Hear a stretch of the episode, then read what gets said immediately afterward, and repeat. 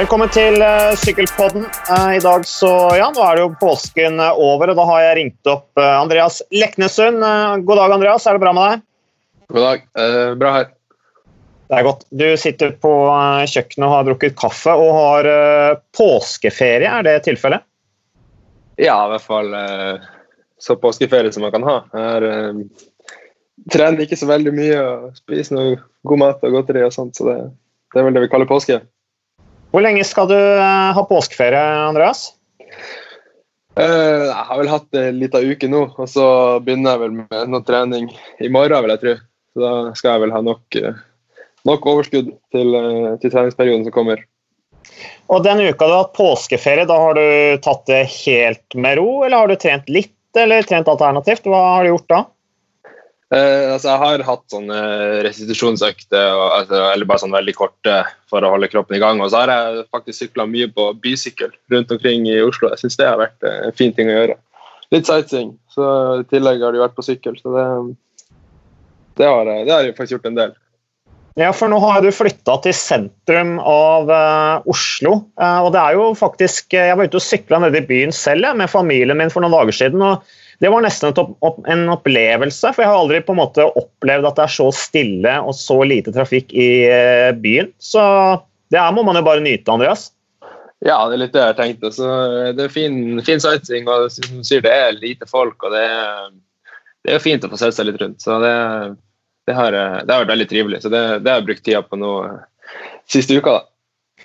Men Andreas, har du brukt lang tid på å restituere deg etter denne stuntet du gjorde opp uh, Tryvann? Du hadde jo først ett forsøk som, gikk, uh, som, du ikke var helt fornøyd med, og så klinte du til igjen og sykla opp da til Tryvann. For de som ikke kjenner det segmentet på Strava, for du knuste jo det Strava-segmentet, så er det altså uh, det er altså 5,5 km opp til toppen av Tryvann fra gressbanen nede ved bensinstasjonen i bunn av stigningen der. Det er 372 meter å klatre og en stigningsprosent på 7. Og det er altså over 7000 personer som har prøvd seg på det segmentet, og nå leder du altså med 12,31.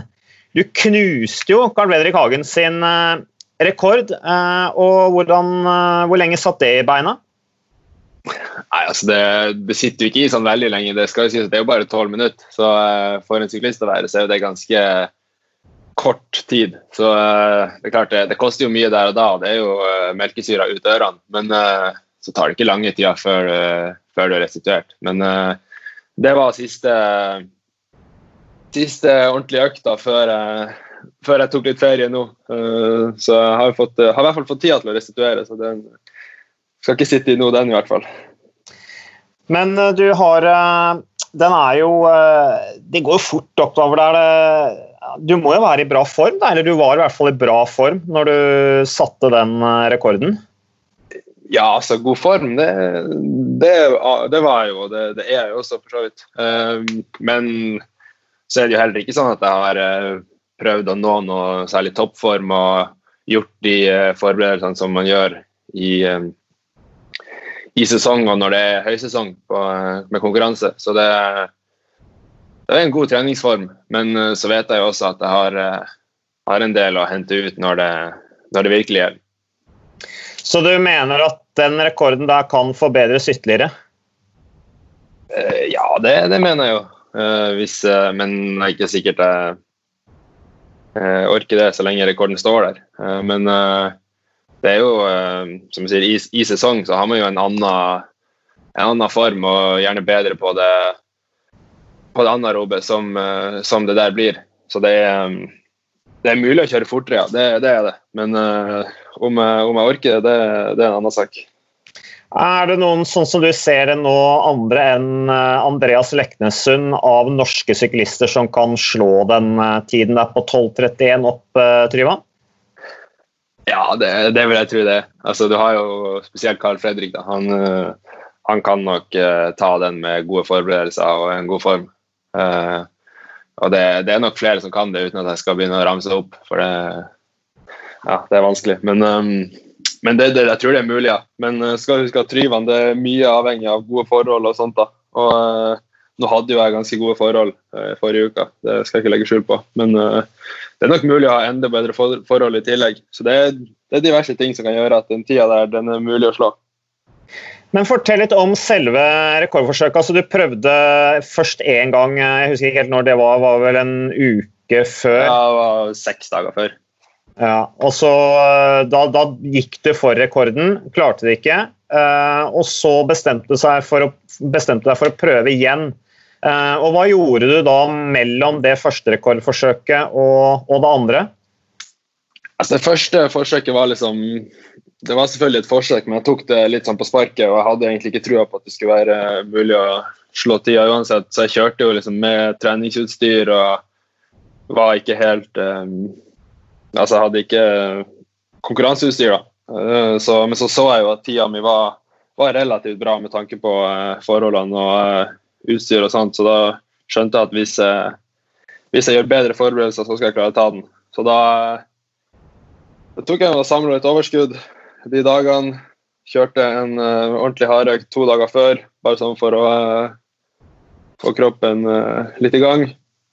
Og så fikk jeg også tak i noe konkurransehjul og og så kjørte jeg med tempodrakt og skotrekk og gjorde, gjorde forberedelser så godt som mulig. Da. Og da um, gikk det jo også mye fortere. Og uh, det, var, det, var, gøy, da. Det, um, ja, det, ble litt sånn prosjekt for min del. Jeg satt kvelden før og skrudde av flaskeholderne og Garmin-festet og sånt for å, uh, for å ha så lett sykkel som mulig. og sånt, så det ble jo, Om det hadde noe å si, det vet jeg ikke, men jeg syns det, det, var litt artig å, å, gå litt ordentlig inn for det når jeg først hadde bestemt meg. Det høres jo ut som at det hjelper å forberede seg skikkelig. Da. Eh, og at den første, forsøk, første, forsøket bare var en test som ga et godt utgangspunkt for å optimalisere, og at du dermed forbereder deg som om det skulle vært et viktig mål. Og det gir resultater. Ja, ja og det var egentlig litt det som var tanken. Da, at jeg skulle uh, ta, altså, ha samme innstillinga som om det er en veldig viktig konkurranse. Uh, og jeg hadde, var litt i den der konkurransebobla i forkant og sånt, rett og slett bare for moro skyld og for å få kjent litt på det igjen. For det begynner å bli lenge siden, og det syns det er fint å få vedlikeholdt litt av den der eh, de rutinene og sånn som man har rundt viktige konkurranser ellers. Så eh, det var rett og slett det det handla om, at jeg skulle prøve å eh, få få litt mer erfaring til konkurranser og sånt. Mm.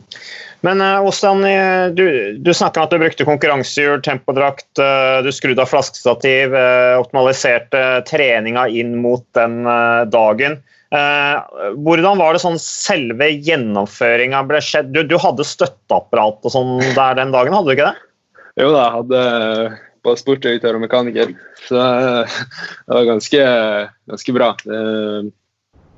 Så det Ja, og det også handler jo om Når du legger opp løpet, så er jo det å vite hvor du skal legge inn kreftene og, og hvordan man skal disponere det. Og det, det visste jeg jo litt pga. at jeg hadde kjørt nesten en uke i forveien. Så uh, var det også bedre disponering underveis og, og sånt. da. Hvor var det du uh, gjorde på en måte forskjellen uh, rent sånn gjennomføringsmessig når, når forsøket var i gang, da, i forhold til å disponere kreftene oppover disse stigningene forbi Holmenkollen hoppanlegget? Ja, det, det jeg gjorde bedre gang nummer to, var at jeg kjørte hardere i starten. Um, for uh, første gangen jeg kjørte, så uh, jeg, visste jeg ikke helt hvor nivået mitt lå. Uh, sånn at jeg på vatt og sånt så holdt jeg litt igjen. så så jeg jo på toppen at jeg hadde Jeg kunne kjørt mer vatt i starten. Og det er også i starten der det er brattest, det lønner seg å legge igjen mest vatt. Så mm. um, det var rett og slett det på den disponeringa som var forskjellen. At jeg visste at det å gå ut litt hardere, det kommer til å lønne seg i farta på toppen. Men så er han jo også ekstremt seig på slutten, uh, Tryvann. da. Uh, når ja. du tar av fra det krysset der hvor du har Frogneseteren til høyre og så Tryvann opp til venstre. Ganske, det er også et av de bratteste partiene, altså når du virkelig ja. nærmer deg toppen. Ja, der er det også veldig bratt. Men der er, sånn, altså der er det jo såpass bratt at man står nå bare og kverner og, uansett. Og der, der, skal man jo ha Skal man jo være på makspuls uansett, så det er liksom ikke altså Der må du bare klemme ut det siste, og så ja, bare gi alt, for det. Da er det jo nesten på toppen. Hva slags girutveksling brukte du oppover der? Du hadde vel en snittfart på rundt 25 km i timen? hadde du ikke det? Jeg lurer på om det faktisk var 27,5 eller noe sånt. Ja. Mm. Um, men um, nei, jeg kjørte med vanlig altså, girutveksling, det vet jeg ikke. Det, det sjekka jeg ikke. Men det var nok vanlig ja, samme som, som alltid. Du var i hvert fall ikke oppe på 25 på letteste. Nei, du, nå, det der, nå snakker du for avansert her. ja, nei, men eh, med 25 tenner, men i hvert fall var du oppe på stor, Du kjørte med storskiva ganske mye, vet du? Ja, uh, jeg gjorde det forbi hoppbakken og sånt. Men i starten sånt, så var det, så var det lilleskiva, om ikke tar feil. Kjørte ganske høy kadens, da. Um, og da var det, da var det lilleskiva. Hva slags skive har du foran da? 39, eller? Uh, helt sikkert. Jeg vet ikke. Nei, det er ikke, det er ikke Nei, du vet ikke det. Det er bra. Men uh, samme av det, så lenge det går fort nok. Men uh, Og så hadde du da bil bak hele veien, ikke sant? Ja, så, så fikk jeg litt sekundering underveis og sånt. Mm. Og hva med trafikk, sånne ting? Altså, når du sykler over 27 km i timen i snitt oppover der, så er det vel nesten sånn at du Hvordan var trafikksituasjonen oppover der den dagen? Nei, Det var veldig bra. Kjørte jo Altså, det her var vel øh, øh, onsdagen, så kjørte klokka to. Øh, og som vi snakka om tidligere, så er det jo veldig lite trafikk ute.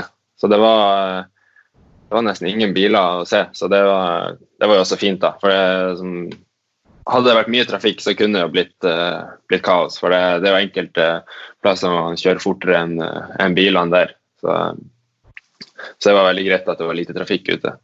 Mm. Det var vel nesten sånn at du, Hvis det var biler, så var det nesten sånn at du holdt kontakt med de oppå bakkene der? Ja, altså hadde det vært biler, så hadde det vel kunne blitt et problem. Passerte du noen syklister oppover der, eller? Det er litt morsomt ja. det, passere folk oppover der. ja, det var jo noen syklister, uten at jeg husker helt hvor mange. Men uh, jeg husker hver gang jeg måtte rope løype i en sving der. For det, lå over to i bredden, og jeg ville ikke ta lengste vei. Men de tok ikke hjulet ditt? Nei, det tror jeg ikke. Jeg vet ikke. Jeg glemte å snu meg. Men du har, ikke, du har ikke noen planer om å da, Nå har du tatt den rekorden av Tryvann. Det er eh, landets mest prestisjefulle segment på Strava. Eh, veldig gøy. Den mener du fremdeles har forbedringspotensial, så da fortsetter den der krigen der. Sånn er det jo med Strava. Men hva med den annen sånn, krig nå, med det er rett og slett kilometertid? Nei, kilometerkrig, altså antall kilometer. Du har jo Fridtjof Røynås, da, som har tatt en litt sånn artig variant. Det er ikke noen regler for dette her, så han har jo altså 601 km, hvor han bl.a. har fått Fikk jo mye hjelp av sin far. Eh, som da kjørte bil foran. Så han kjørte rett og slett bil-PS. 601 km på ham. Du hadde disse Coop-gutta. Du hadde Jonas Abrahamsen, Uno X-rytteren, som kjørte 501 km på rulle. Og så har også nå Sindre Kulseth kjørt da Han er jo også Uno X-rytter. Eh, over 21 timer på rulla eller Swift. 750 km. Men eh, du har ikke noen planer om å, å ta, delta i den, den kampen? Nei, det, det frister ikke lenger. Det, det, har blitt, eh, det, har blitt, såpass langt at det Nei, det, får de holde på med. Altså det, er kult. Og jeg vurderte en stund å bli med sånn før det ble for langt, men nå har det blitt så langt at jeg føler at eh, det, det, det koster så mye at jeg syns ikke det er verdt det. Men, eh, men jeg syns det er veldig kult at, at, de som gjør det, at de gjør det. For det, klart det viser jo at det er ut, da. Men, uh, men uh, nei, som du sier, jeg satser heller på oppdrivene. Jeg syns det var gøy å gjøre i denne perioden her. Og så, så, får, så lar jeg være å hoppe på kilometerkrigen foreløpig, i hvert fall. Hvor mye bruker du Tryvann eh, sånn i det daglige treningsarbeidet for øvrig? Det er egentlig ikke så mye. Jeg har, uh, har ikke sykla så mye siste, siste året. Men um, det er jo en fin bakke, så jeg har funnet ut at jeg kanskje bør begynne å gjøre det oftere. Men um, jeg, har ikke, jeg, har ikke, kjørt det så mye. Jeg kjører ofte, som regel når jeg kjører intervall, så kjører jeg egentlig flatt. Og det går litt på temposyklinga og sånt å gjøre. Du kjørte 470 watt ca. i snitt oppover der. Ehm, hvor mange ganger har du klart å sitte på Eller hvor mange eksempler har du på at du kan sitte på den der vatten på en sånn Altså når du sitter og ser på wattmåleren og du sitter og banker over 450 watt, sånn som du gjorde der Hvor ofte kjører du så hardt holdt jeg på, å si, på, på trening? Uh, det er ikke så ofte. Så det er jo som vi var inne på tidligere, at jeg, jeg visste ikke hvor, uh, hvor nivået mitt lå på, på, den type drag som det der blir. Altså tolv minutter. Det er ikke så ofte jeg kjører all out i tolv minutter, sånn som det. Så jeg, det ikke, har ikke veldig god uh, kontroll på det, men nå har jeg sett det. da fikk jeg jo se at 74, det det går. Og det, det, var, det, var, mer enn jeg hadde trodd. Men um, det er gøy, da. Men når du kjører, du har jo en annen terskel. Det er jo gjerne sånn at uh, utdannelsesutøvere på ditt nivå de trener mye rundt anarob uh, terskel. Hva er uh, liksom, når du, sånn standard wattbelastning for deg på, på intervaller? Uh, det varierer jo litt, men altså bruker vel sånn utgangspunkt at jeg har 410 watt på terskel er nok der, eh, er der jeg liksom har som utgangspunkt. Og så er det noen dager som er litt tyngre enn andre, og motsatt. Så jeg justerer litt ut fra det. Men uh, så går det jo litt på om jeg kjører temposykkel i bøyler eller uh, i bakke oppover og sånne ting. da. Men um, rundt der. Mm. Men fremover nå, da, Andreas, eh, nå er påskeferien eh, over. Eh, hva, hvordan legger du opp treninga di fremover nå? Det blir noe sagt, begynne å trene i morgen. Sykle litt langturer og sånt. Og så, så, skal jeg få opplegg i treningsdagboka fra og med mandag av. Det er jo det som var avtalen med Lars, treneren min. Så, så blir det jo mye terskel og, og mengde nå, da. Eh, når vi foreløpig ikke vet når eh, sesongen starter. Det, det, blir noe, det, blir i hvert fall uansett en god stund, så det er jo litt det å ha den, eh, den innstillinga til trening som det vi har i, i, desember. At det er timer og det er litt sånne lange, lange drag på, på terskel. Det er det som funker nå, og så får vi skru opp intensiteten når vi nærmer oss, nærmer oss sesong. Ja, så det er grunntrening som gjelder. Vi ser jo, mm. eh, jeg så bl.a. Tim de Klerk har vært ute og løpt. De bruker ikke, mm. Du vil ikke variere på den måten fremover, du? Jo, jeg har vurdert det.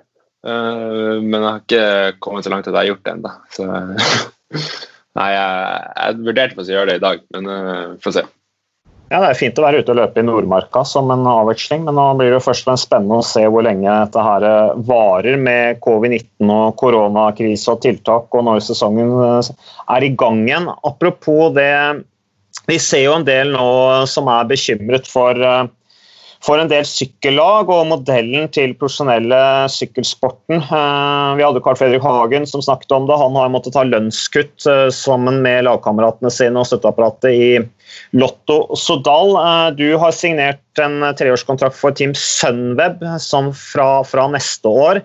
Eh, og har vel eh, litt kontakt med, med de, regner jeg med. Men det er jo reiseliv. Er du bekymra for, for Sunweb som selskap og sponsoratet av sykkellaget? Ja, altså, altså litt bekymra det er jeg jo. Det, det, er vel de fleste nå. Særlig i sykkelsporten. Men um, men ut det, det jeg har hørt foreløpig, så, eh, så, skal de være trygge inntil videre. Altså de, de, har ikke permittert noen enda, og de har heller ikke gjort lønnskutt, sist jeg, sist jeg hørte. Så um, foreløpig så har de, har de, kontroll og tror de skal komme seg gjennom det her. For, um, for det de sier, er at de har uh, Altså selskapet har uh, ikke så mange ansatte. De har flere altså de har folk på korte kontrakter og uh, mer at de, de, leier inn både ansatte og flyene og båtene som de trenger. Mm. Og, og, I en situasjon som det her, så er jo det en fordel at de ikke trenger å De har ikke så mange forpliktelser når det kommer til lønn og utbetalinger og sånt. Så, så, så lenge de overlever situasjonen, så mener de at de skal komme styrka ut av det. Ja, så de har det du sier at de har en uh, forretningsmodell som ikke er så sårbar med mye faste kostnader? da. Nei, altså i hvert fall akkurat nå så skal det høres ut som at uh, det skal være en fordel, ja. Mm. Ja, Det blir spennende å se, for det, det, er noe mange snakker om. det er liksom Hva skjer med Sunweb? Eh, og Det er jo en mm. sponsor som har eh, veldig langt perspektiv på, på, sponsoratet sitt. Eh, de gikk jo ut for et par år siden og sa at ja, vi har lyst til å være i sykkelsporten for, for evig og alltid. Foreløpig har de en treårskontrakt med, med sykkellaget. Eh, har du satt deg litt inn nå, da, i forretningsmodellen deres eh, nå etter at denne krisa oppsto? Uh, nei, ikke mer enn det jeg bare har hørt uh, gjennom agenten min. Uh, så jeg har ikke, har ikke Jeg tenker ikke for mye på Jeg tror ikke det Jeg får ikke noe igjen for å sitte og spekulere så mye i den situasjonen der. Og, og det Altså, jeg er jo egentlig ganske trygg på at det ordner seg uansett om det hva som skjer med sponsoren. Håper jo selvfølgelig at det skal gå bra, men om ikke så får man ta og gjøre opp status når det når man har fått noen klare beskjeder på, på hvordan det blir. Mm. Men du er i hvert fall uh, motivert, uh, Andreas. Vi jo, vi hadde jo sykkelprat på TV 2. Uh, eh, du har jo vært med på Jeg husker ikke om du var med på det, men det var vel Tor Husov som hadde snakket med Philippe Gilbert, og Gilbert var helt oppgitt og lei og ikke motivert. Og, men det er jo litt forskjell nå da, på, på rytterne. Altså, noen land kan ryttere være ute og sykle, andre land kan de ikke. Eh, snakker dere i det norske miljøet litt om den fordelen dere har nå, med at dere faktisk kan være ute og trene? Uh, ja, det gjør vi jo. Men det, altså, ting er jo det sportslige fordelen uh, vi får, men akkurat når vi prater om det, så handler det jo mer om det mentale, at vi rett og slett har muligheten, og hvor heldige vi er som får lov til å være og trene utenfor døra. Så det er mer det, det, er det som betyr noe akkurat nå. Altså, jeg tror uh, jeg tror det, det, er viktigere enn at vi får, eh, at vi får det treningsutbyttet. Mm. Hvor mye bruker du eh, Swift og rulla i denne tiden her? Jeg bruker det en del.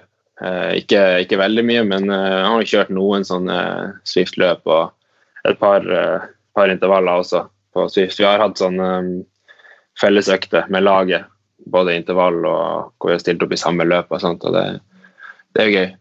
Mm. Vi skal snart gi oss nå, Andreas. Eh, men du trives i eh, ny by i Oslo sentrum? Ja, jeg trives veldig. Så eh, da er det bare å fortsette det gode arbeid, og så takker jeg for denne lille hva skal vi kalle det, koronapraten med Andreas Leknesen. At du stilte opp på Sykkelpodden igjen, Andreas. Og så får du masse, masse lykke til nå med ny grunntreningsperiode, og så håper vi at alle snart er tilbake i, i konkurranse. Mm. Ja. Takk, takk, til Andreas Leknesund, og takk for at du hørte på Sykkelpodden.